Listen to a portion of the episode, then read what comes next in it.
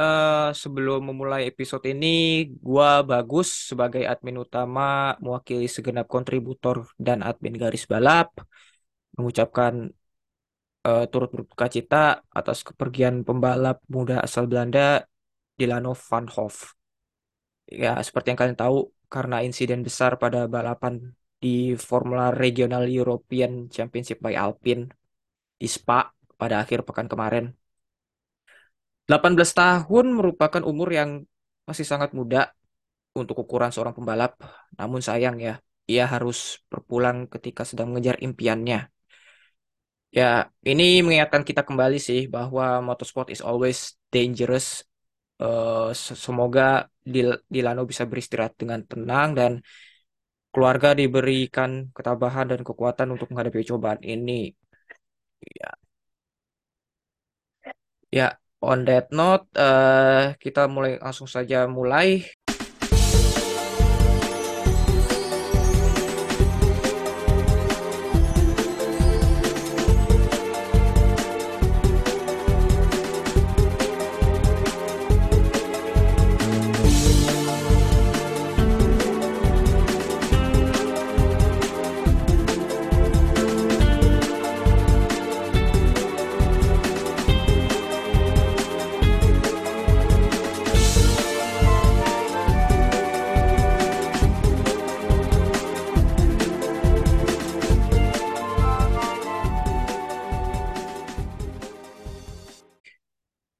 Kembali lagi di Garis Balap episode ke-110 bersama gue Bagus, admin utama dan tentunya gue tidak sendiri ada Rifki, sang admin magang.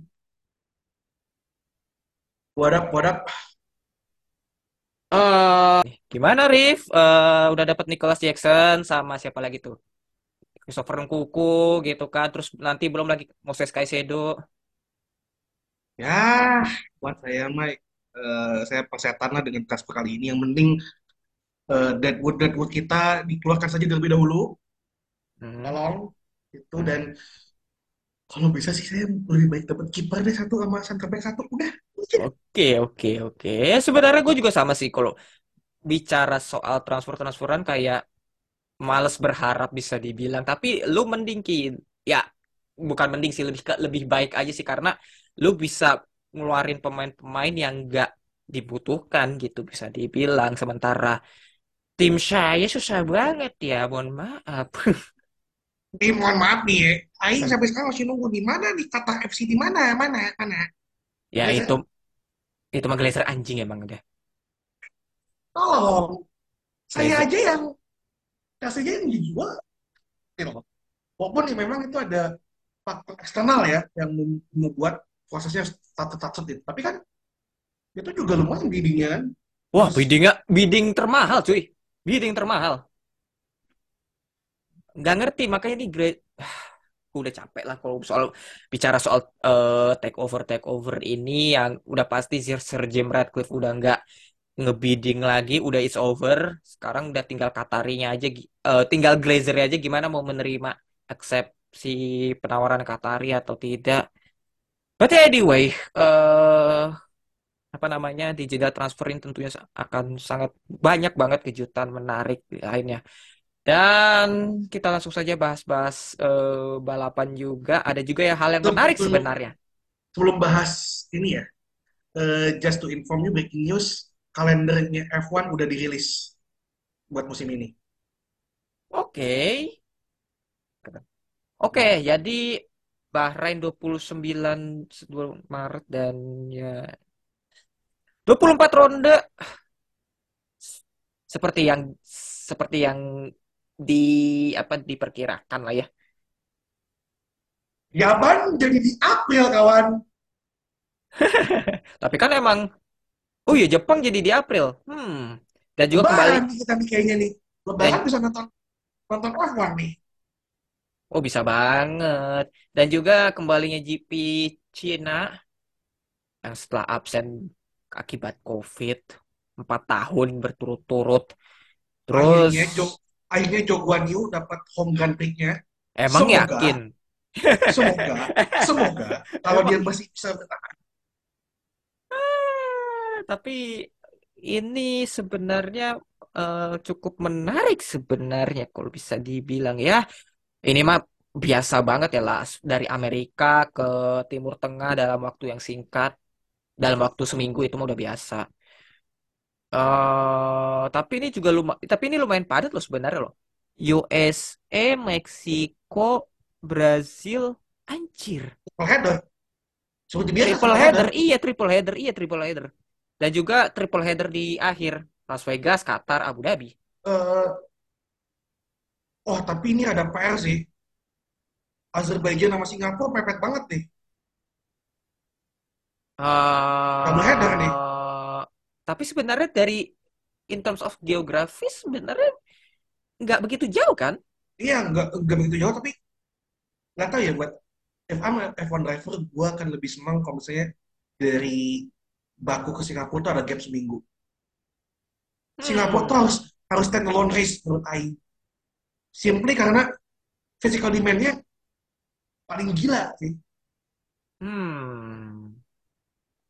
Bisa sih sebenarnya sih. Ya cuaca panas dan lain-lain itu kan. Cuacanya Ya, bukan panas, Gus. Belum. lebih ya lembab dan juga itu yang bikin bikin bikin pusing apa ya? Eh, di bawah sorot lampu lampu lampu sorot. itu, Terlebih lagi juga nih track juga lumayan fisikal ya bisa dibilang. yoi. sangat sangat sangat menuntut fisik dan teknis juga. Tapi ini menarik sih sebenarnya sih eh kembalinya Cina dan juga Jepang. Ini first time Japanese Grand Prix pada awal-awal ronde, Awal eh musim, awal musim iya. ya. Biasanya kan biasanya selalu, selalu di ujung. Peng- biasanya selalu di paruh kedua kan. Lebih ke ujung ya paruh kedua iya. Sejak pergelaran per- perdananya kan di Jepang tahun 76 itu kan emang selalu di ujung ya. Di ujung. Nggak pernah di jadi, awal. either jadi season finale atau yang mendekati akhir-akhir. Oh, tapi gue berharap season finale sebenarnya sih. Cocok Suzuka itu. Ya, saya sih lebih, lebih, lebih pengen season finale itu di Brazil ya, tapi sulit ya kawan. Ya sulit juga sih. Sulit. Mm-mm. Ya anyway, eh 24 ronde. eh ya kita lihat seperti apa nih eh, apa namanya berlangsungnya F1 2024. This is gonna be exciting dengan 24 balapan. Bicara soal kalender, kita lanjut lagi kembali eh, ke kalender. Kita bahas JTWC Endu- apa Eropa yang artinya Endurance dan Sprint Cup. eh mungkin bagi kalian nggak banyak yang ngikutin juga sih, tapi ini apa namanya eh, SRO sebagai yang menyelenggarakan JTWC merilis kalender untuk musim depan yang diawali dengan prolog di Paul Ricard eh, dan juga ronde di Paul Ricard Endurance di tanggal 6 sampai 7 April terdiri dari 10 ronde. Tapi ada yang menarik sebenarnya. Ngapain jedah ditaruh di I mean gini Ki. Eh di ronde Oke, kita bicarakan JTWC Eropa gitu kan. Harusnya kan dengan namanya ini kan harusnya balapan berwilayah di Eropa kan. Kenapa ada jeda anjir? Gitu sih yang gua gua bingung. But it's simply karena duit kah? Ya duit lah, apalagi. Aku pengen pengen mencak-mencak sama apa soal Stefan Rattel nih anjing emang. Ah, tapi ya gimana ya? Tapi menarik sebenarnya balapan Jeddah durasi kalau nggak salah yang gue baca-baca itu 1000 kilometer Jeddah. Yang artinya durasi balapnya seperti Paul Ricard. 1000 kilometer itu berarti 8 jam ya. Kalau dihitung-hitung berdasarkan eh Sebring 1000 kilometer ya 8 jam lah pokoknya. 8 jam apa berapa jam lupa gue. Intinya adalah Jeddah apa menggelar balapan JTWC yang artinya akan banyak chaos.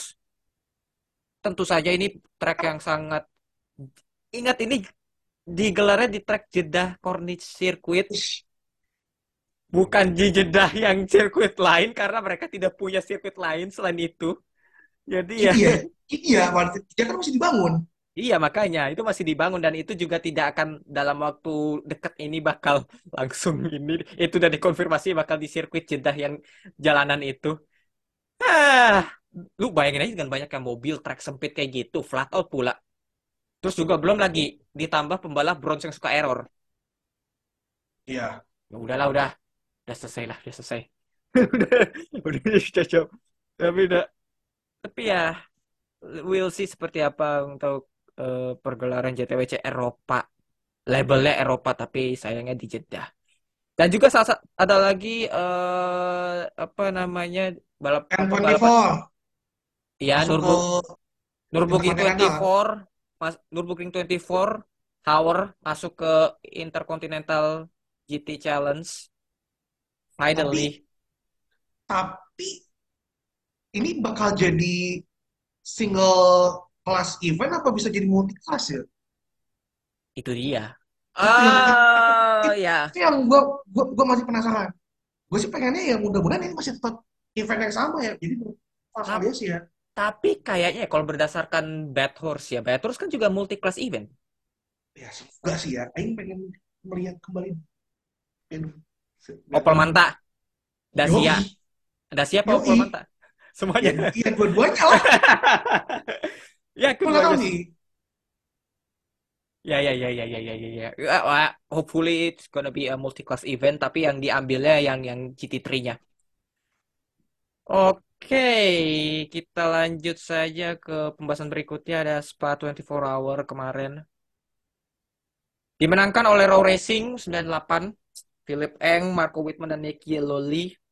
Lalu melengkapi podium kedua ada Akodis AESP Team yang dikendarai oleh Timur Boguslavski, Jules Gunon, dan Rafael Marciello, pembalap sayangan. Lalu ada juga eh, di peringkat tiga, melengkapi peringkat tiga ada Scherer Sport yang di, dipiloti oleh Luca Engsler, Kelvin van der Linde, and Nicky Tim. Ini sebenarnya balapannya apa ya? Gue sempat nonton. Ya, balapan sepatu pada umumnya, tapi gue rada kasihan sama tim WRT sih. Ternyata te- tim WRT tidak hanya apes di Lemang dan di WEC kecuali garasi 41 tapi nular juga ke balap GT3-nya yang sampai kemarin tuh sampai senggol bacok. Eh, siapa tuh tim W? Senggol bacok sama tim sebelah sesama BMW. Eh, si Charles atau kantor gitu lupa yang yang yang berada di balik kemudi pada saat sesi malam ya. Itu rada rada chaos sih dan juga ya sayang banget Iron eh, uh, squad squad Lamborghini ini kayak Iron Dames yang harus retire karena ya accident. Ya. Lalu ada Iron Links yang sempat mimpin balapan sebenarnya, walaupun cuma beberapa menit doang dari posisi start 65 DNF karena breaks. Aduh. Lalu juga ya banyak unfortunate event aja sih di sini sih. Again. Iya, iya. Apa sih juga ya ini kata-kata yang pada kena baptis ini kan mobil-mobil baru. Iya. Ya mobil-mobil baru juga dan ya BMW untungnya udah apa ya udah istilahnya udah ngedevelop mobil ini lebih dulu gitu dan juga udah munculin mobil ini setahun lebih awal ya eh, gitu loh. Tapi sebenarnya duelnya seru sih antara Nicky Tim sama siapa tuh Kevin Esther kalau nggak salah. Beberapa battle seru tuh. Dan selamat untuk Philip Eng, Marco Whitman dan Nicky Loli. Wah ini mah udah Ya ini mah tinggal ini kayak calon-calon calon-calon squad hypercar-nya BMW sih. kayaknya udah pasti nggak sih Ki? Ini kan trio yang juga di apa squad hypercar-nya IMSA juga. Eh di Ya, LMDHI maksudnya, ya. Iya, maksudnya mungkin buat WRT hypercar. Ya ini mah udah pasti nih mah. Philip Eng, Marco Whitman sama Nicky mereka kan secara langsung juga mendevelop mobil itu. Tinggal siapa aja nih satunya lagi nih. Dua mobil kan WRT tuh. dua mobil Eh, ya tinggal kita lihat seperti apa tapi selamat untuk Valentino Rossi yang di apa namanya posisi 6 Enam ya? Posisi 6 di balapan keduanya di Spa 24 Hour bagus lah Bagus. Meskipun banyak sih apesnya juga sih kadang sih. Jadi tapi ya it's challenging race. ya it's Spa. ya it's it's it's it's Spa in 24 hour Iya. what do you expect Ya tapi tentunya di Spa 24 Hour kemarin ada yang nggak terduga sebenarnya pole positionnya dari kelas bronze ya itu juga kebantu karena di kualifikasinya eh, cuacanya hujan. ya mohon maaf lo kalau kalau cuacanya kayak gitu you expect dan kalau nggak salah bawa juga kan Vespa Platinum nggak sih Apaan? yang bawa mobil bronze itu Eh Matteo Cairoli gold. oh gold ya Iya, tapi ini mah solid GT driver Matteo Cairoli sebenarnya. tapi kan ya kembali lagi kan once race is begun ya eh, Ya, alam ngambil alih kan ya kembali ke setelan pabrik ya namanya kelas bronze. Tapi ya, tapi ya at least eh, Huber Motorsport sang pole position meraih eh, kemenangan di kelas bronze udah sangat expect sekali. Oh, expect tadi itu mah iya. Dan kemenangan untuk Porsche 911 GT3R terbaru. Oke, terus kita bahas ke balapan berikutnya. Ada balas, balap, kita bahas sedikit lah ya balap Burika kemarin. Meskipun gua personally gak nonton juga sih tapi ya. Eh NASCAR Chicago. Em, ada yang mengejutkan nih sebenarnya nih. Sean Gis Van Gisber, bah, Sean Van Gisbergen. Berg- Van fucking Gisbergen. Seperti yang kalian tahu eh, ju- apa namanya juara supercar asal Australia apa New Zealand ya? New Zealand ya? New Zealand New Zealand New Zealand. Sorry Kiwi. New Zealand. Iya. Kiwi. Memenangkan balapan perdana Cup Series perdananya di Chicago. Yang juga balapan pertama di street circuit sepanjang sejarah NASCAR. Oke itu salah satu apa fakta yang menarik juga. Dan ini pertama kalinya lagi pertama kalinya semenjak tahun apa 60 tahun ada Hmm, pembalap eh, rookie pembalap yang baru debut pertama gitu istilahnya. Bisa menang balapan langsung. Gila emang. Ya emang ini juga ketolong sih karena kan eh, ini nggak tahu kalau gue nggak tahu kalau pada ini cuman gue pernah baca bahwa sebenarnya tuh mobil next gen-nya NASCAR tuh banyak juga diinspire oleh supercar-nya Australia.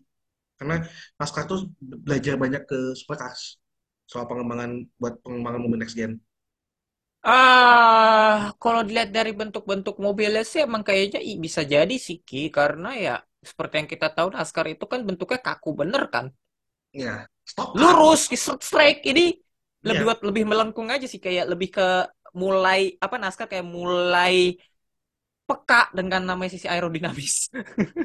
iya, makanya, makanya kan itu itu juga mungkin yang salah satu yang membantu juga sih. Itu juga di kualifikasi juga impresif banget SPG-nya. impresif banget. Posisi tiga. Gila. At, at, one point gue tuh kira bakal dia bakal pole position loh. Hmm. Gue sepertinya kayak anjing ini orang pace-nya gila. Ya itu eh for the record gue nggak nonton langsung karena eh, udah kerja ya, udah kantor. Pas lihat pas lihat itu kayak eh anjing apa nih? Felix Bergen nih nimpin buset. Langsung lah gue nonton onboardnya dia tuh di, YouTube. Ya, apa driving style dia berbeda sekali ya.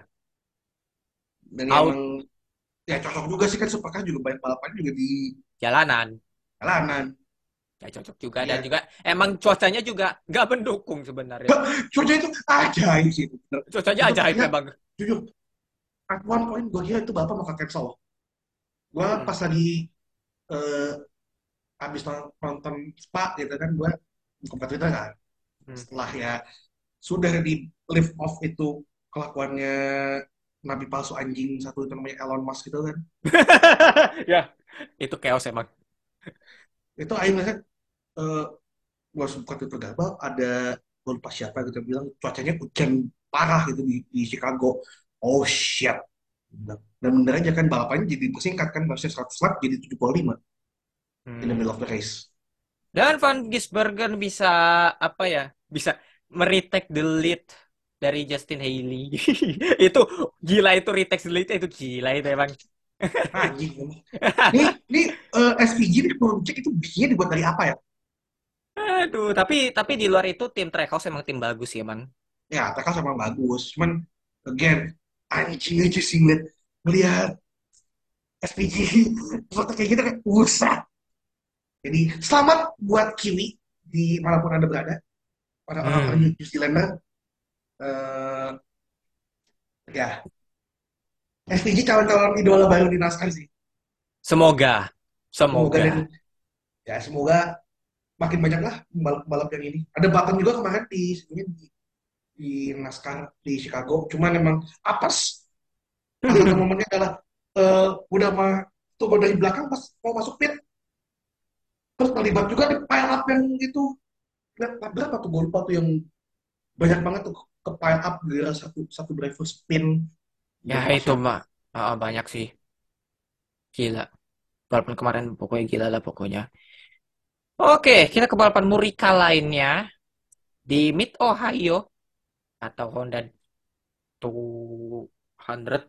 Tuhan kan Alex Palou, pembalap asal Spanyol dari Chip Ganassi Racing berhasil memenangkan balapan. Ini merupakan kemenangan ketiga kalinya berturut-turut sekaligus kemenangan keempat. Jadi ini hat trick ya buat Alex Palou. Lalu di belakangnya ada Scott Dixon dan yang ketiga melengkapi posisi tiga ada Will Power. Komentar ya mungkin Kidan juga ada hal mengejutkan, sorry. Ada hal mengejutkan lainnya yaitu Christian Landgaard di posisi 4. Ini posisi 4 top 5 keduanya dia setelah di eh, Indy Grand Prix sebelum Indy 500. Komentar ya Ki. ya satu eh, gue pengen lihat Alex Palou masuk F1 jujur Hmm. jujur eh, dia bisa jadi satu wildcard yang bisa dipakai sama Red Bull Hmm. in case mereka masih pengen ayung apa mereka nggak mau Iwasa masuk karena of course Honda akan cabut juga dari Red Bull family eh kedua Christian Lundgaard calon-calon bisa dilihat sama tim-tim top nih Ya bisa saja kalau misalnya dia di berada di jangan di Andretti. Eh, mungkin bisa nggak ke nggak Ganassi.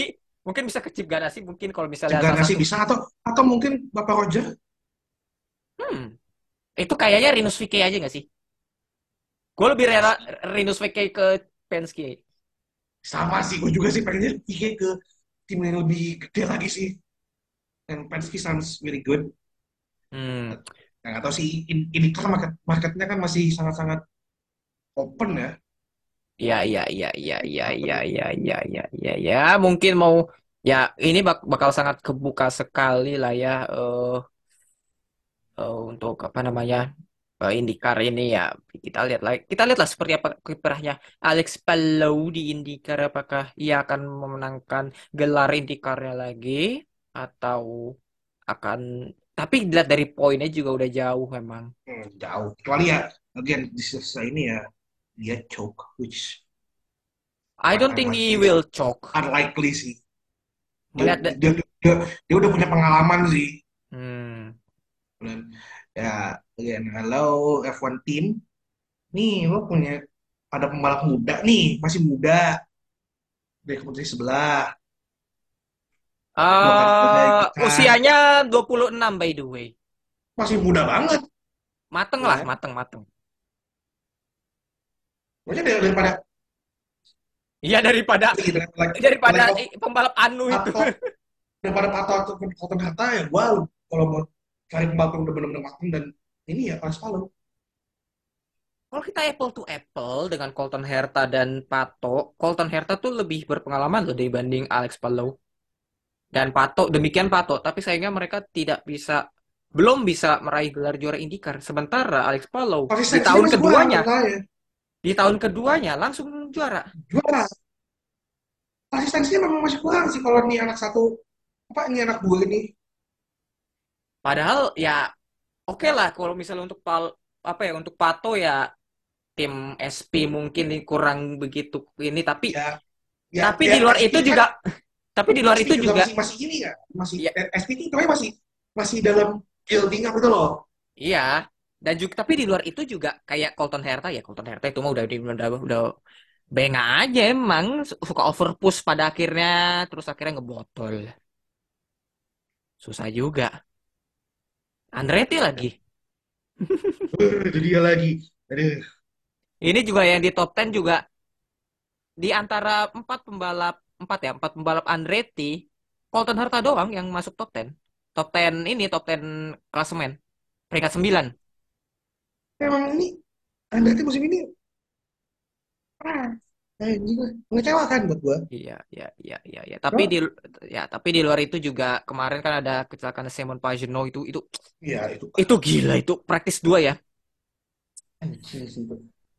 Roll rollover itu ah, gua nggak tahu ya. Ini sebenarnya mungkin rollover nggak akan terjadi kalau misalnya nggak ada nggak ada apa namanya ketinggian antara sirkuit sama gravelnya tuh nggak cukup nggak apa ya nggak cukup signifikan gitu loh. Iya, nggak signifikan gitu. Karena udah hari-hari mid Ohio, mid Ohio itu mah. ya dan hari-hari terakhir US nggak sih? Iya. Terakhir US pada gue nggak tahu ya, mereka tuh stand standarnya kayak kayak gimana gitu loh. Ya, track tradisional US susah ya. Ya makanya makanya kenapa kemudian eh, ini kata pokoknya lebih kecil daripada F2 F3 walaupun secara prestigious ya ini kan levelnya sama kayak F1. Iya. Ya faktor itunya selainnya tentunya monopoli FIA. Ya, itulah. Oke, kita kita eh, mendekati pembahasan utama yaitu F2 dan F3 di Austria.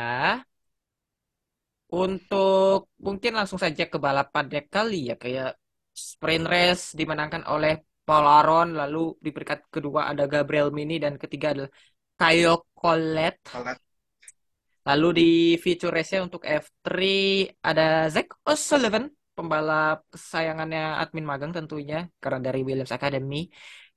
Lalu ada kedua ada Gabriel Bart Bortoleto dari Trident kembali lagi ke podium dan juga double podium for Caio Collet. Ya ketimpa durian runtuh itu sih, tapi dengan podium itu podium. mancing. Tapi tapi komentar Ki, singkat saja. Gue kira bakal Williams Academy satu tiga loh. Iya. Bajingan, bajingan. Gua gua nggak mau ke mana banyak karena jujur gue juga gak, gak nonton full. Hmm. Eh, dia tuh udah kayak mau Williams Academy satu tiga eh ternyata bah.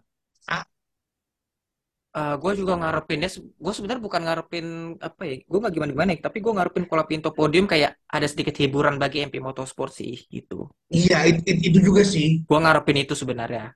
Dan juga sebenarnya ini bisa loh triple point loh MP Motorsport, tapi sebelum ya Mari Boya, ya, eh kalau nggak salah dia nyenggol ya, nyenggol apa puncture gitu lupa gue. Ya gue lupa juga. Aduh, tapi ya double point. Ya meskipun rad- fucked up juga sama si siapa namanya. Sebastian Montoya. Montoya. Eh Montoya pada akhirnya di posisi mana ya? Oh, posisi 20. Posisi 20 Montoya ya. penalti kan? Penalti juga. Penalti juga. Buat Sylvester. Ya, ya, ya. Tapi selamat bagi Paul Aron eh bisa meraih kemenangan perdananya di F3. Tapi tolonglah, jangan salah masuk ini lagi lah. Harusnya lu masuk pit aja udah. Tolong. Dia Ya, ngapain? Start finish line, ya, start finish line mau ya balapan dia lagi. dia hilaf mungkin dikiranya podi apa eh, sama kayak F1 gitu loh atau ini dulu Iya. kayaknya berhentinya di situ. Dasar. Tapi ya Dia untuk kira dia dia, dia ini masih masih pas pandemi gitu kan. oh yang ini ya podiumnya pakai robot gitu ya. Iya, Anjing itu awkward itu. Ah, Gabriel Bortoleto masih memimpin dengan 111 poin, memimpin jauh dari PP Marti dan Dino Begonovic yang mengumpulkan 75 poin, sama-sama 75 poin dan Zach O'Sullivan mulai menyusul mendekati top 3 dengan 73 poin dan diikuti oleh Gabriel oke. Mini 65 poin. Ini kayaknya bakal ketat nih di bawah sebenarnya. Kecuali kalau Bortoleto fucked up. Tapi Bortoleto Iya, again, konsisten. again, tapi ya ingat eh, F3 itu sangat volatile ya. Satu one big factor moment yang itu could change. It's change anything. Ya, tanya aja sama Isaac Hajar. Iya juga ya, kalau udah kalau udah di atas suka fucked up ya dari posisi satu ke posisi empat. Iya, mental itu one single mistake bisa fucked up banget. Tapi yang tapi yang dibutuhkan dari kejuaraan adalah konsistensinya dan Konsistensi gitu. dan dan Bortoleto sejauh ini menunjukkan itu. Tapi ya we'll see. Kita pindah ke F2 balapan ini apa balapan Formula 2. Di sprint race-nya Jack Crawford memenangkan balapan, ini kemenangan perdananya dan lalu disusul oleh Victor Martin dan yang ketiga Isaac Hajar yang sejatinya itu Clement Novalak. Tapi sayangnya karena inspeksi setelah balapan yang ditemukan bahwa tekanan bannya sangat apa ya rendah dari yang seharusnya sehingga mengakibatkan dia didiskualifikasi yang yang pada akhirnya Isaac Hajar dipromosikan ke podium. Lalu ada fitur race-nya Richard Verschoor dari Van Amersfoort Racing ini kemenangan perdana perdana Van Amersfoort aka VAR di F2. Lalu yang kedua ada dari ada Ayumi Iwasa dan ketiga ada Frederick Vesti the Bestie. pasti. Komentarnya Admin Magang. Ini masih mesmerize sama betapa beruntungnya itu eh, orang-orang lakukan strategi di Spielberg kemarin. Race. Eh sorry ya, Race. Itu gila sih. Itu dapat bagian untung sih, anjing. Ya, seperti yang kita tahu sebenarnya Richard Verschoor ini adalah the master of alternate strategy. Strategi, emang. Aduh, Sebenarnya anjing. gue bilang gitu bukan karena tanpa dasar, tapi emang mau hasilnya Emang- bagaimanapun, emang Iya, selalu berhasil sebenarnya. setiap every time ketika alter strateginya itu lagi diberkati, pressure Hmm. tuh ada di sana. Sebenarnya strategi Verschoor tuh bekerja sebenarnya, cuma emang kembali lagi lucknya dan emang Verschoor dapat luck Iya, di sini. dan tapi emang ya, ya again, kalau kalau pakai strategi di F2, often time yang belum membutuhkan adalah. Karena eh ya itu kalau kemarin nggak ada kejadian, eh, safety car apa VSC ya? Gue lupa. eh VSC Safety kayaknya. car kan? Safety car, safety car, VSC, safety gue lupa. Di, Hmm. di akhir itu, itu yang pakai strategi udah fakta itu. Nggak akan dapet, Iya, nggak, nggak akan works. ya, tapi Tolong itu bener-bener. tapi di luar itu juga ya kita tahu Richard Verschoor meskipun nggak perlu menang pun dia sebenarnya juga udah jago sebenarnya dalam alternate strategi sebenarnya. Nggak perlu menang pun ya. Kita kita nggak bahas menang-menang di sini sih, tapi lebih ke eh, dengan strategi itu kalau emang bahkan nggak dalam apa eh, nggak diberkati oleh luck pun paling tidak bisa meraup poin for sure sebenarnya. Poin bisa. Poin bisa. Nah, ini karena emang emang lucknya emang lagi dapet. Ya gua setuju emang lucknya lagi dapet. Cuma kalau dibilang hanya berdasarkan faktor luck aja sih enggak juga sebenarnya. Emang for sure ini hari-hari for sure aja. Hari-hari for sure melakukan alternate strategi aja itu mah. Diber- ditambah luck gitu. Ah, Eh, tapi juga jangan jangan lupa itu juga banyak juga kok yang pakai beberapa driver yang alter strategi itu works. Ya tanpa mau menyebut tapi saya sebut kayak Berman aja itu kan. Iya Berman. Satu dua lap lagi. Gue sepakat. Satu dua lap satu dua lap lagi itu dapat itu. Atau sejak sejak kedua tuh bisa, bisa dapat itu. Gue sepakat gue sepakat kalau soal eh, siapa namanya si Oliver Berman gue sepakat. Dia juga menjalani strategi juga bagus. Eh Enzo walaupun Enzo ya di awal balap apa namanya juga pakai alternate tapi nggak seberuntung misalnya siapa ya Berman ataupun Ayumi Wasa dan Verschoor eh agak agak rugi juga karena ada peristiwa insiden itu. Jadi ya emang emang apa namanya emang luck emang apa namanya Verschoor ini emang emang pada balapan kemarin juga ber, apa sangat harinya itulah hari-harinya Verschoor bisa dibilang. Dengan ini. Frederick Vesti masih memuncaki klasemen dengan 125 poin dan diikuti oleh Theo Pourchaire dengan 105 poin dan Ayumi Iwasa di peringkat 3 dengan 1 101 poin. Lalu diikuti oleh Oliver Berman dengan 81 poin dan Richard Verschoor naik dua peringkat ke langsung dengan poin 5 75. di bawah Cepat sekali sebenarnya. ini masih masih cukup ketat sih Nggak seperti Masih- balapan F3 tapi ini apa ya? eh, nggak seperti balapan F3 yang seperti yang sangat jauh poinnya. ta- Ini sangat terbuka sebenarnya. Nggak hanya apa masih namanya? masih masih cukup wide open Vesti sih, ya, tapi yang penting Vesti eh, bisa meraup poin itu yang terpenting dan ya ini selamat untuk Ya, Van ya Amersfoort. terutama sih ya kalau buat Vesti ya kemarin pas feature-nya dapat poin walaupun pas sprintnya kan nggak dapet untungnya eh, Theo Arm Iwasa juga nggak dapet Ya, ya dan intinya adalah selamat untuk Fritz Van Amersfoort selaku selaku pen- pendiri Van Amersfoort Racing meraih kemen, tim yang meraih kemenangan perdana di F2 dan F4, F3, F2 semua sudah diraih. Oke, kita langsung saja ke main eventnya yaitu Formula One Austrian Grand Prix. Balapan kandangnya Red Bull, Banteng Merah. lah kita PDIP dong itu Banteng Merah. Oke, mentang-mentang menjelang 2024 ya. Oke, kita langsung saja ke kelas dong kelas kita langsung saja ke kualifikasinya aja kali ya. Daripada berlarut-larut. Max Verstappen menempati peringkat satu pole position hari-hari, nggak usah dibahas. Charles Leclerc di udah peringkat dua, diikuti oleh Sainz Junior di peringkat tiga. Ferrari tuh apa dua tiga di sini. Tapi di sini ada hasil yang sebenarnya cukup menge ya nggak mengejutkan banget banget sih sekarang udah hari-hari. Sergio Perez nggak lolos ke Q3 ya karena track limit. Lalu ada George Russell. anjing ini kualifikasi satu kali memang ngeh sebenarnya Ya, eh PS naik limit dan eh gue lupa waktu Q1 tuh. Banyak yang kena eh sih. banyak kena dan banyak yang ampir-ampiran kan sebenarnya itu. Hampir-hampiran itu. Anjing setipis setipis ujung murban gitu loh.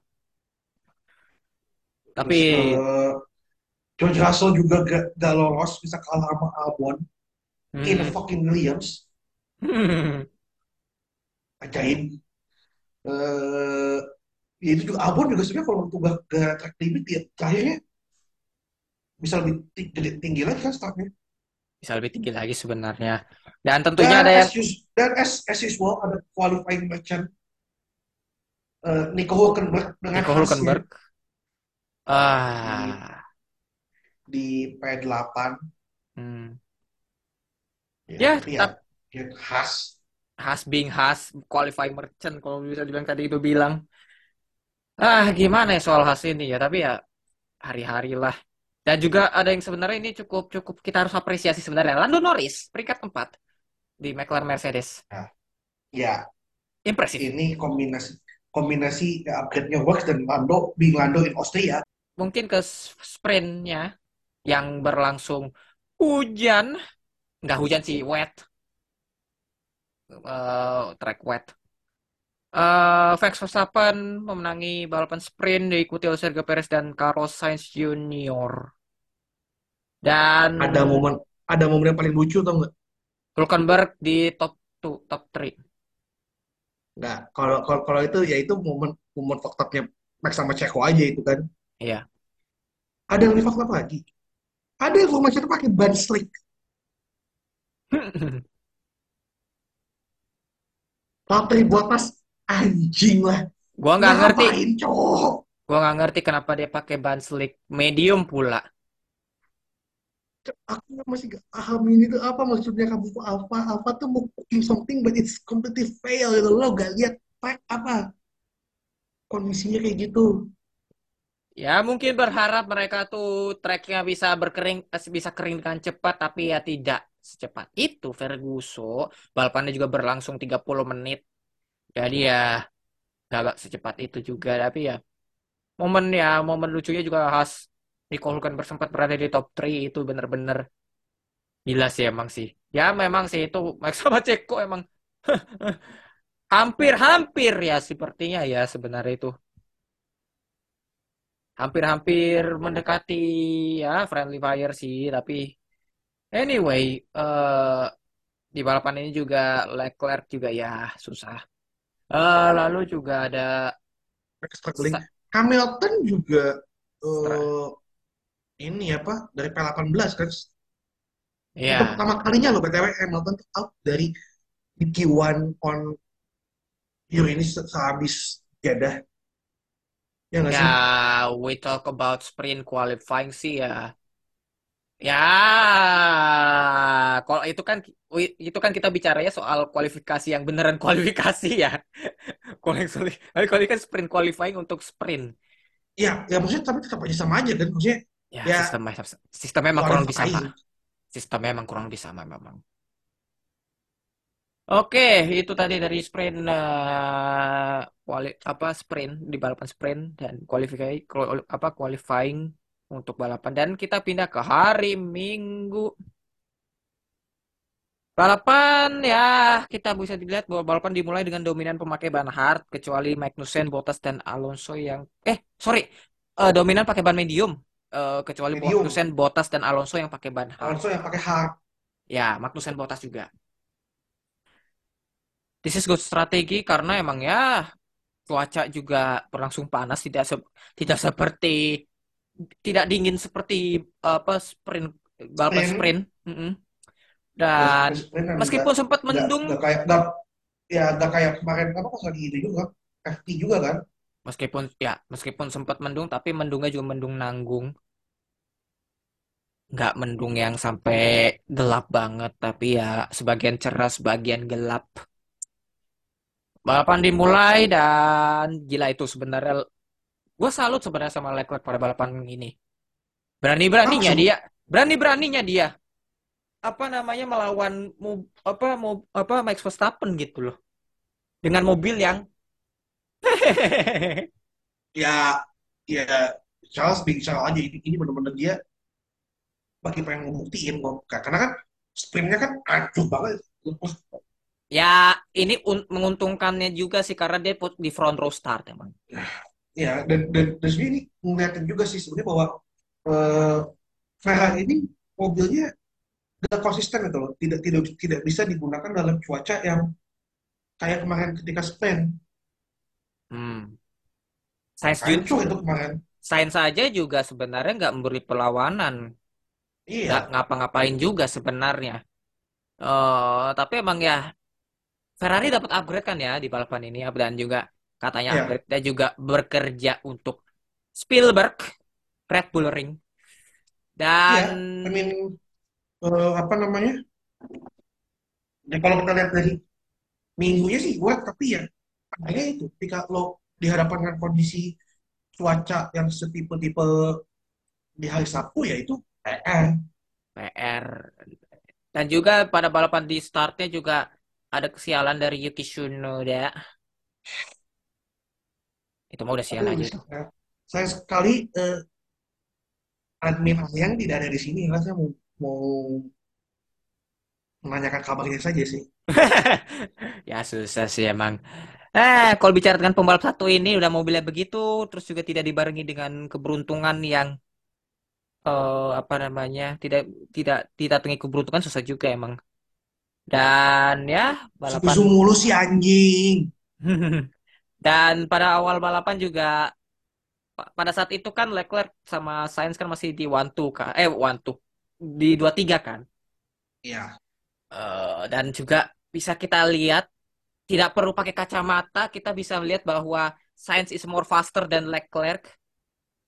Tapi yes. eh, permintaannya Sainz untuk attack eh, ke Leclerc tidak diindahi oleh Ferrari ya itu, menunjukkan aja sih who's number one in Ferrari. Iya, sebenarnya kelihatan loh sebenarnya itu itu si Sainz lebih cepat. Eh, gue juga merasa nggak adil juga sih ke Sainz sih ya kayak ya eh, Stevie Wonder aja bisa bisa melihat kok gitu loh siapa yang lebih cepat. Di awal-awal balapan itu siapa? Exactly, exactly. Dan ya, tapi demi keber kenapa? kalau kayak gini kalau Ferrari ya.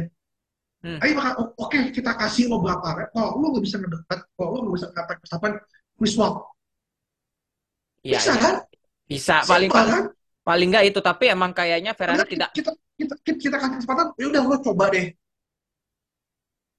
Ya tapi kayaknya Ferrari tidak mau mengulangi seperti Interlagos 2019 kayaknya sih. Jadi ya susah juga emang kalau udah ego sama ego. Nah, ya Lalu lalu juga ya seperti yang kita tahu Hamilton di Spielberg kemarin sepanjang weekend bisa dibilang tidak begitu berjalan mulus. Dan itu berlanjut di balapannya. Hamilton struggle begin di sini dan beberapa kali mengeluhkan mobilnya dan Ya. dia di dan dia, dan dia juga di- apa namanya eh, battle sama Norris sesama pembalap Inggris dengan mobil McLaren yang agak compang-camping tapi bisa impresif pada balapan Battle cukup rapi sih. Battle, Hmm. battle yang gue cukup suka battle-nya. Oh suka banget gua, suka banget gua. Tapi Setiap ya, itu cukup menghibur buat gue, tapi ya itu Hamilton ya salah dia sendiri sih apa eh, nurunin downforce-nya kegedean banget itu ngilangin ngilangin downforce-nya makanya mobilnya jadi liar banget. Belum hmm, seperempat race loh, Gus. Iya, Belum seperempat race udah kena penalti. Piye? Ma- makanya itu Hamilton emang Hamilton ngeluh-ngeluh padahal dia yang men-setup ininya sendiri ya padahal ya. Ya, oke, lo pengen, lo pasti pengen lebih cepat ini, tapi lo sadar lo itu cuma sekali. Ya, kompromis lo. Iya. Jangan Tapi kalau sebenar lo tuh lo tuh liar. Tapi sebenarnya Russell juga sebenarnya juga lumayan struggle kan di balapan ini. Ya sebenarnya buat Ernest sih sangat sama karena emang mobilnya ini gak cocok sama Red Bull Ring. Hmm. Dia gak apa generate air warm up-nya susah, gak dapet grip jadinya. Iya, iya, iya, iya, iya. Kelemahannya kan kalau nggak salah di area kok atau apa kan jadi gak gak channeling enough air gitu kan jadi eh bol eh bol kok apa gitu pokoknya ini ya, it makes the car itu lemah di belakang. Hmm. Eh sliding terus oversteer terus kan kelihatan. Hmm. Ya, ya, ya, ya, ya. Ya, dalam ya intinya kan, adalah kan, kan, kan salah juga Silverstone apa Mercedes itu bakal bawa front wing baru kan ya untuk itu deal with the issues of ya biar belakang lo bisa dapat grip lebih banyak. ya intinya adalah W14 tidak cocok untuk track Red Bull Ring pada balapan kemarin. Ya, Itu sangat jelas sekali dan juga sangat jelas sekali bahwa mesin Ferrari tidak sepenuhnya reliability-nya baik. Contohlah Hulkenberg yang DNF karena power loss dan mesinnya berasap. Tapi yang ketar-ketir sebenarnya tifosi. Melihat bahwa sate, sate, sate, sate, sate, sate ya ini ini membuat tifosi PTSD akan kejadian musim lalu sebenarnya. Tapi ya Hulkenberg DNF setelah sprint sprint yang luar biasa dan juga ya dan ini memi ini kalau salah VSC ya apa safety car ya sih doang. VSC doang tapi ini doang. Soalnya itu dekat dekat dekat itu cepat kok itu. ya tapi itu juga apa namanya memicu pem- apa namanya Eh, oh, pembalap oh enggak deh. Eh, eh, oh safety car tuh yang ini ya, yang gravelnya Yuki ya. iya iya Graveler Yuki itu juga cuma Iya, sebentar doang tapi kalau iya Hulkenberg kalau nggak salah sempat yellow eh flag PSC, PSC, PSC, PSC doang kalau. VSC eh mungkin PSC, kalian PSC. bi- mungkin para pendengar bisa mengkoreksi Ya gua pokoknya gua pada saat gua udah cek lagi itu PSC. ya mungkin mung- eh, pada saat Hulkenberg DNF itu kan VSC kan ini juga memicu beberapa pembalap untuk beberapa tim untuk melakukan pit stop kan. Salah satunya ya Ferrari yang melakukan double stack masterclass lagi. Sebenarnya jujur ya eh, mungkin kalau gue bisa bisa bicarakan soal overall race Ferrari pada Spielberg kemarin sebenarnya dalam tahap oke sebenarnya nggak ngadi-ngadi. Kalau gue jujur ya. ya, kalau gue gua jujur ya. Nggak setuju. nggak ngadi-ngadi ya ya oke lah kita bisa lihat eh, kita bisa bisa apa sih namanya bisa mempertanyakan kayak double stack Ferrari kok kenapa harus pakai double stack dan lain-lain tapi lu lupa bahwa momennya saat itu lagi pas sebenarnya meskipun pas. pit stopnya lambat Ya, itu. Lek-lek lambat bikin saya jadi lambat. That's it. Sainznya juga lambat udah nah, tapi di luar itu ya, ya cuma satu itu doang sih. Kalau kalau kalau gue jadi kayaknya gue akan mencoba tuh. Ya udah kita kasih aja itu yang apa kalau Sainz mau attack coba attack Verstappen silahkan tapi kondisi ya kalau nggak dalam berapa lap nggak bisa nggak bisa nggak dekat ke Verstappen ya swap top position. hmm, Jadi ini ya deal-dealan harusnya sih bisa sih. deal-dealan Anjir, nego negosiasi pas di tim radio anjir. Bisa juga sih. iyalah Iya, iya, iya, iya, iya, iya, iya. Tapi ini membuat apa namanya eh, momen VSC ini dan pit stop dan lain-lain ini membuat pembalap seperti kayak Perez dan Sainz itu menggila. Battle-nya sih. uh, Itu Carlos Sainz ya ini sih sebenarnya Ferrari Carlos Sainz eh emang murni mobil aja sih ini mah. Strategi berjalan oke bisa dibilang nggak ngadi-ngadi kecuali ya Ferrari coba untuk melakukan tiga pit stop ke Leclerc dan untungnya Leclerc rebel no. Goblok itu anjing. Jujur itu goblok itu. Ya kalau mau mau, mau P3 kali ya mobil lo mobil kencang kayak Verstappen no. Susah juga sih. Ya tire dragnya emang emang lebih emang parah dari ya, perkiraan cuma nggak gitu emang juga Mali. ya, dan emang selama ini kan isunya ada tire drag gitu loh. Iya. Tapi ya dengan tiga pit stop untung itu tidak dilakukan Eh, tapi kemarin anyway kalau sampai kejadian yang ada Ronaldo sempat giveaway podium tuh makanya itu dia eh siapa namanya? Aduh, kembali. Oh, kembali ke Perez sama Sainz. Itu battle-nya gila itu.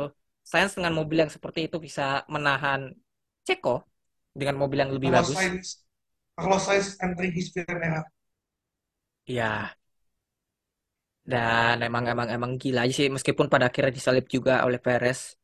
Dan Leclerc sebenarnya sempat mimpin pada balapan ini meskipun cuma beberapa lap doang. Anjing itu Max Verstappen. Pas keluar dari pit bukan manasin ban tapi malah langsung ngejar. emang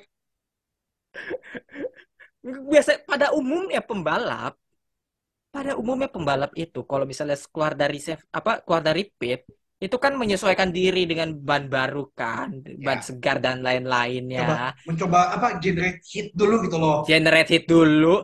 Kagak ini. Kayak generate hitnya udah dilakukan saat mau keluar dari pintu pit stop emang. Langsung ngejar dia itu. Gak masuk akal ini mobil Red Bull ini. Tapi di sini juga ada beberapa momen yang ya udahlah. Tapi sayang tidak ada admin Ayang di sini. Nick the Vries kita bisa anjing melihat udah kefrustrasiannya dari Nick the udah saat ini battle ini sama Magnussen. jujur jujur ya gue tuh orang yang pengen Nick De Vries tuh bisa bertahan satu musim Hmm. tapi kalau ngeliat dia kayak gini terus mohon maaf No, oh, eh, after Spa say goodbye to F1 seat benar-benar ya di, sangat di luar dugaan. Ya sebenarnya emang oke kita bicara soal Alfa Tauri mobilnya yang seperti itu. Cuma jangan lupa Yuki Tsunoda lebih performnya lebih di luar ba apa melebihi batas bisa dibilang melebihi melebihi ekspektasi batas semua orang gitu melebihi batas dari mobilnya itu sendiri sebenarnya.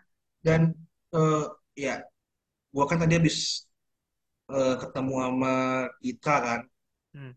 eh, ngobrol juga soal Vries ya Aing sampai nonton ini ini tuh orang yang contoh eh, pegawai yang ke job interviewnya bagus tapi pas udah masuk kerja performanya anjlok Bisa emang itu. Ya CV-nya bagus gitu lah kan. Kayak jujur apa jujur, disiplin dan Nah, lain-lain C- taunya.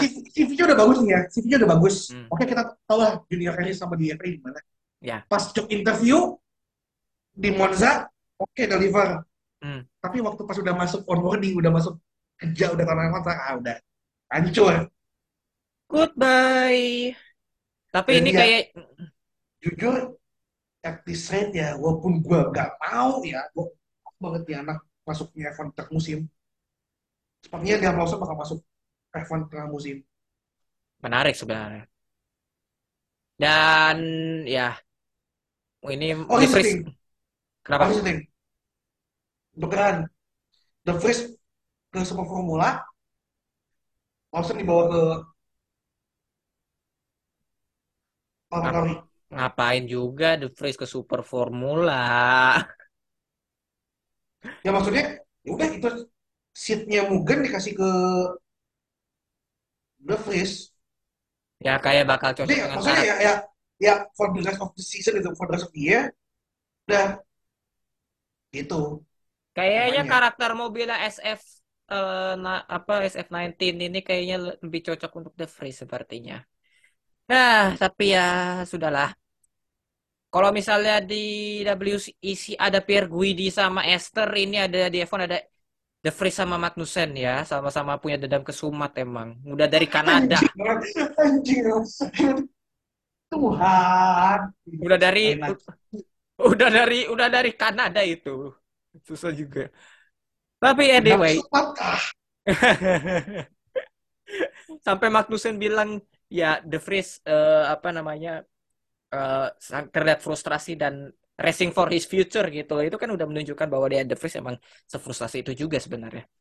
Tapi iya. anyway soal apa namanya soal frustrasi ya Hamilton juga frustrasi pada balapan ini. Seperti yang kita tahu bahkan no- Norris bersinar gitu. Bahkan Toto Wolff sampai turun eh, turun tangan gitu untuk menenangkan Hamilton gitu. Aduh Lewis kamu mau pindah ke Clear Cup aja nggak sih pindah ke ini aja mini, mini cup aja udahlah balapan lokal di Inggris. Oh lebih enggak. cocok. Oh enggak ada lagi. Udah kamu balapan RC aja udah. Ya tapi ya gimana ya soal Hamilton ini?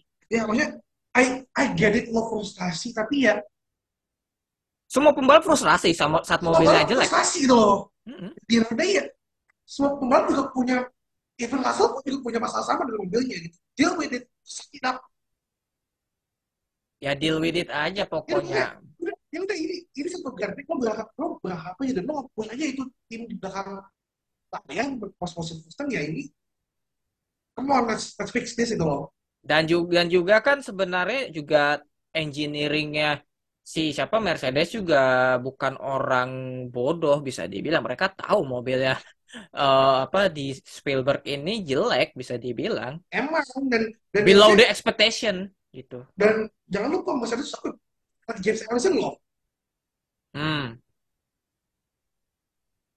sampai sampai bawa lagi James Allison yang udah posisi udah lebih tinggi gitu kan dan udah lagi overseas projectnya Ineos ya it says a lot gitu loh turun gunung gue berarti. juga jujur gue rasa ya udah Lewis setahun lagi aja habis 2024 ya lo bisa dapat dapat atau enggak ya lo mendingan cepet-cepet keluar dari F1 nih mumpung seenggaknya nama lo tuh masih harum gitu loh Iya. Ya, gue paling gak suka kalau balap tuh ya maksain diri buat terus balapan dia nggak sadar bahwa masa itu udah habis hmm. kecuali lo soal Fernando Alonso ya Kalau Fernando Alonso mah iya. Gitu Kayak ya ya gue tau gue tau mungkin secara fisikalitis lo masih bisa gitu loh. Lo gue yakin lo- Lewis tuh your 40 40 itu masih bisa sebenarnya. Kan ya you need to realize that at some point enough is enough if I'm Lewis ya gue akan merasa ya gue sih I've done the impossible seven seven time world champion tuh bukan pencapaian yang mudah. Hmm. oke lo punya mobil terbaik but semua juara dunia juga mobil terbaik Ya semua mobil terjuara semua juga mobil terbaik justru. Ya dan Iya, mungkin lebih ke ini kali ya. Need to be more wise aja ya. iya, iya. Ya, lo udah lo udah mencapai suatu pencapaian yang gue nggak tahu Max bakal bisa dapat atau enggak. Kemenangan terbanyak. Lo punya Centurion. kemenangan, udah lo udah udah Centurion satu bahkan kan, Hmm. kalau nggak salah seratus dua, gue lupa. Lo po- posisi terbanyak, Hmm. lo eh, seven time world champion lo udah samain sama Chris Schumacher ya. Lo lo tuh udah done that gitu loh. Di F1 tuh lo udah udah udah nyam, udah mentok gitu loh. Apa yang lo Hmm. mau capai delapan ya susah gitu loh. Di luar di, di luar mobil ini tahun mobil tahun ini tuh nggak bagus ya. Ini ya Dan jujur gue nggak yakin juga 2024 bisa kompetitif lawan Red Bull. Ya kalau dengan asumsi Adrian Newey masih berada di pedoknya Red Bull. Ya ya ya ya ya ya ya ya ya ya ya ya ya dan buah hasil dari kegemilangan Max Verstappen menang dan yang kedua Charles Leclerc eh, finally back to the podium So, lalu yang ketiga ada Checo Perez yang posisi tiga yang akhirnya kembali ke podium lagi setelah kapan terakhir kali Perez di podium? Eh, Azerbaijan. Itu berarti sudah berlangsung buset lama bener. Satu, delapan. dua, tiga, empat, empat balapan. Balapan, kalau nggak salah. Kita hitung April ya, Baku April. Eh berarti buset dah. Ini mah hampir, ini mah udah dua bulan, hampir dua bulan kagak podium. Untuk jangan ukur lupa Ceko. Ya, jangan lupa Ceko tuh juga pemegang rekor eh, gagal masuk Q3 paling banyak di Red Bull. untuk ukuran Red Bull dengan Konsekutif. dengan gap nggak podium itu tuh itu udah cukup banyak sebenarnya, udah cukup lumayan ini dan juga Ya, Peros kan di ujung tanduk ya bisa dibilang ini momen-momennya. Hah, tapi ya podium is podium dia, dia kembali lagi dan Lando Norris dapat durian runtuh setelah Hamilton di penalti akibat track limit. Eh, salah satu dari delapan pembalap yang terkena penalti pada pada balapan kita kemarin. kita perlu bahas ini. We need to discuss about this track Sure, limits. Sure. Anjing sih. Hmm, Ini eh, jujur iya 1500 komplain itu eh 1200 laporan tuh anjing sih. Harus gila ada ya. sebuah sistem yang harus ada sebuah sistem yang dibikin oleh FIA yang lebih real time, yang lebih ini gimana caranya buat iseng patroli patrolling track limits. Hmm, Karena ya kalau lo mau bikin gravel di turn 8 apa di turn 9 susah ya. 9 10 tuh susah buat buat karena itu jangan lupa Red Bull Ring juga tidak cuma buat mobil balap juga gitu. Buat cuma balap, balapan mobil tapi juga buat buat MotoGP dan MotoGP as we know they hate gravel tracks. aduh, itu udah kalau kena kena kena gravel tuh sakit itu. Makanya kan bilang kan bahwa ya nggak bisa gravel trap itu nggak bisa jadi solusi buat buat buat di Austria ini. Hmm. Tapi sebenarnya solusinya apa sih, Ki? Apakah harus diperlebarkah treknya? Bisa atau mungkin rumput rumput yang lo libas itu ya lo spin Hmm. lo karena kontrol Tapi kan sebenarnya kan track limit ya ya karena ada run off jadi pembalapnya kayak merasa aman ya untuk masuki tikungan iya itu. Dan dengan adanya rumput ini membuat pembalap menjadi lebih aware iya dan itu mengurangi potensi terjadinya track limit. Sebenarnya ya gue sepakat juga sih. gitu dan yang kedua ya harus ada sistem yang lebih lagi di apa ya mungkin ada automatic sensor mungkin yang bisa langsung ngedetek Bisa track pakai limits pakai kayak teknologi eagle eye gitu kayak apa sih iya namanya di bola. kayak kayak atau mungkin kayak tenis Bisa. itu yang eh, ya apa yang buat dia di luar di luar tripod tripod masih masih kayak manual kan masih pengamatan langsung eh, apa wasit atau atau umpire tapi kan kalau yang di rumput sama di hardcourt itu kan ada soft eye nggak usah apa ya gue lupa yang buat monitoring itu bolanya in atau out Iya. mungkin bisa adopsi sistem kayak gitu sih karena eh, ya gue nonton post ratio si Al- Albon kan bilang ya bahwa ya motivasi kita tuh telat sebenarnya Hmm. jadinya mungkin seberapa lap sebelumnya Iya. gitu jadi ya it, it ya harus ada sesuatu juga oleh FIA dalam dalam untuk limit tapi ya kita juga harus kasih special shout out buat Esteban Ocon mantap anjingnya Lima penalti. lima penalti bos Ya ini PR bagi FIA sih untuk untuk bisa memecahkan masalah track limit yang terjadi di Red Bull Ring. Ya sebenarnya sepakat, tolong sepakat, sepakat sebenarnya gue kalau soal si revisi ditambahin rumput dan lain-lain. Cuma gue lebih sepakat tracknya mungkin lebih agak diperlebar aja sih bisa dibilang. Ya kalau Eh, karena resiko juga. Eh, lo harus mikir juga buat balapan lainnya. Oh ya, mungkin ini kali ya, mungkin bisa mempengaruhi barrier, oh, pemosian barrier juga kali ya. motion barrier dan lain-lainnya. Make sense. makanya ya ini again FIA dan FIA masuk grup bareng. Hmm. cari solusi gimana caranya? Karena eh, Red Bull nggak mau kalau misalnya buat F1 pasang gravel terus dikeluarin balik lagi ke settingan apa buat MotoGP Iya, iya, iya, iya. terlalu gede buat mereka Hmm, hmm, hmm, dan jangan lupa ini juga eh, mereka udah panjang kontrak juga nih Austria sampai 2030 Iya. Tentunya ini akan jadi pe- apa apa eh, kebanyakan di track limitnya kan di turn 10 kan sebenarnya. Turn 10, turn 9. ya Bukan di turn 1 ya justru. turn 9 turn 10 last to corner itu yang emang selalu jadi lawan Ya karena emang flat out itu flat out dan itu kan cukup blind spot juga sebenarnya blind spot dan cukup cukup cukup eh, sempit sebenarnya untuk lu masuk ke situ, untuk lu keluar dari exit turn 10 itu. iya Ya racing lainnya juga di situ di situ aja sebenarnya. Susah juga. Jadi ya, it- it- itu yang harus jadi ininya sih, itu harus jadi eh, apa harus perhatiin juga, which ya kita lihat aja lah ya. Karena jujur ini ya, involving to dua lembaga yang sama-sama punya ego-nya sendiri. Hmm. Nah, mudah-mudahan bisa ada solusi mirip kayak Spa sih. Ya, kalau ini soal soal istilahnya soal mengurangi terjadinya penalti. Karena jujur Ya, pasti eh Red Stewart juga rada pusing di di Spielberg kemarin tuh untuk ngurus penalti-penalti ini. Eh, yang terkena penalti ada beberapa pembalap, Carlos Sainz Junior, Lewis Hamilton, Pierre Gasly, lalu ada Alexander Albon, Logan Sargent, Esteban Ocon, Nick De Vries dan Kevin Magnussen dan Yuki Tsunoda.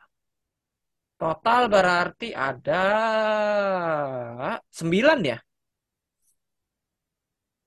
9 yes. pembalap. Wow, luar biasa. Salut saya sama sama FIA yang bisa melihat track limit ini. Dan ya, cuma ada cuman ada ini sih, cuma ada dua pembalap yang bersih kena Alonso. Russell sama ini, Russell sama Joe yang Russell. Oh, yang Russell ya? warning. Oh, bukan Russell Al sama itu bang, bukan Alonso Russell ya? sama Joe, Russell sama Oke. Joe. Rus- tuh kena, kena, kena warning, cuman gak, gak sampai kena penalti. Russell sama Joe. Hmm, oke. Dan ya pada balapan kemarin juga kita nggak usah hitung Max Verstappen, langsung saja ke runner up-nya Sergio Perez dengan 148 poin dan Fernando Alonso dengan 131 poin. Lewis Hamilton menempati peringkat 4 dan Carlos Sainz Junior di peringkat 5. Menarik sebenarnya untuk yang perebutan 2 dan 3 ini, terlebih lagi kalau misalnya Hamilton bawa apa Mercedes bawa upgrade yang lebih baik, bisa saja menyusul top 3 paling tidak. Soalnya kita lihat Fernando Alonso tidak seperti beberapa balapan awal yang selalu podium itu loh. Ya, itu juga dibarengi dengan performa rivalnya yang mulai membaik sebenarnya. Kayak Ferrari udah mulai-mulai. Meskipun nggak nggak signifikan banget perlahan-lahan. Ya, Eh, Mercedes juga mulai-mulai, mulai sedikit ada peningkatan meskipun kemarin cukup struggle setelah saya potnya dikasih steroid. eh terus juga, ya kita akan bertemu ya di GP Inggris di 9 Juli ini. Eh, balapan cuma apa cuma berlang cuma apa tidak ada jeda langsung ke Silverstone. Ada mungkin ada tambahan lagi, Ki.